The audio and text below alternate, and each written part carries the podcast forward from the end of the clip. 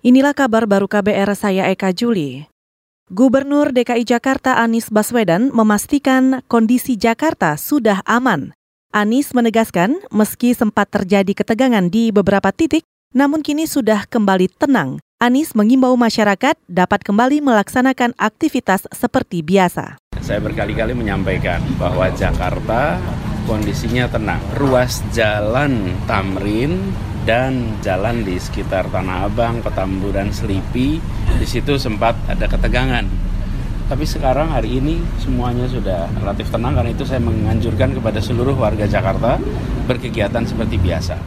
Gubernur Jakarta Anies Baswedan juga menambahkan masih menunggu pertimbangan dari pihak keamanan untuk pembukaan jalan MH Tamrin yang masih ditutup. Sebelumnya, aksi tolak pemilu di depan gedung Bawaslu Jalan MH Tamrin, Jakarta berakhir rusuh. Ricuh juga terjadi di Petamburan dan Selipi, Jakarta Barat. Namun saat ini kondisi sudah kondusif. Saudara aktivitas jual beli di Pasar Tanah Abang Jakarta Pusat kembali normal pasca kerusuhan pada 21 dan 22 Mei lalu.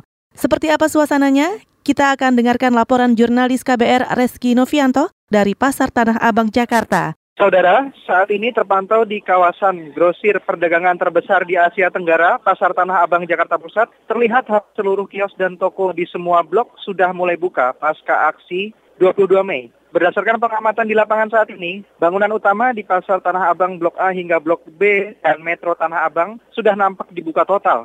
Aktivitas perdagangan pun saat ini terpantau kembali menggeliat. Di Pasar Tanah Abang, setelah beberapa hari sebelumnya sempat lumpuh Sementara itu, salah satu pedagang yang diwawancarai KBR tadi mengaku memberanikan diri membuka lapaknya kembali hari ini lantaran situasi sudah mulai kondusif. Tapi meski begitu, ia enggan membuka tokonya hingga sore hari, namun hanya akan membuka hingga setengah hari ini saja. Kemudian juga tampak saat ini uh, belasan anggota BRIMOB dan TNI masih berjaga-jaga di beberapa titik pertokoan Pasar Tanah Abang. Mereka menyebar dan bersiaga di lokasi-lokasi tertentu di Tanah Abang ini.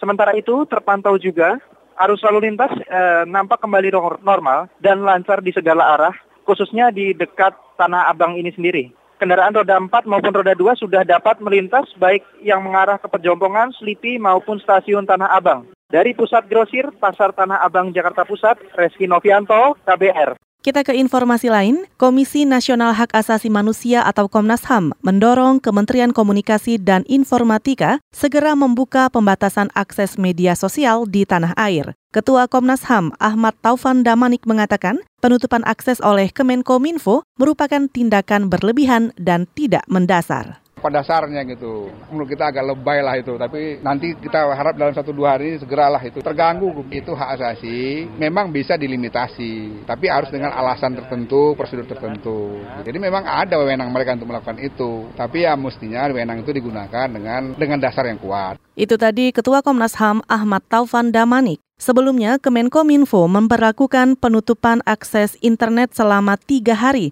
sejak Rabu lalu.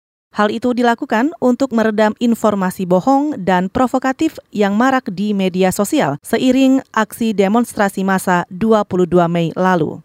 Kita ke informasi olahraga.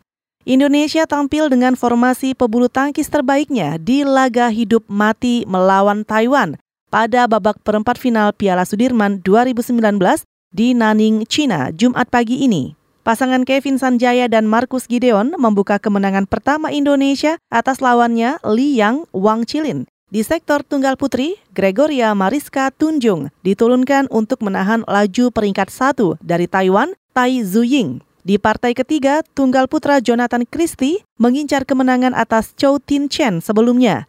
Dan sebelumnya, Kepala Bidang Pembinaan dan Prestasi PBPBSI Susi Susanti mengatakan Indonesia harus tampil fokus dan all out supaya bisa lolos ke babak berikutnya. Saudara demikian kabar baru, saya Eka Juli.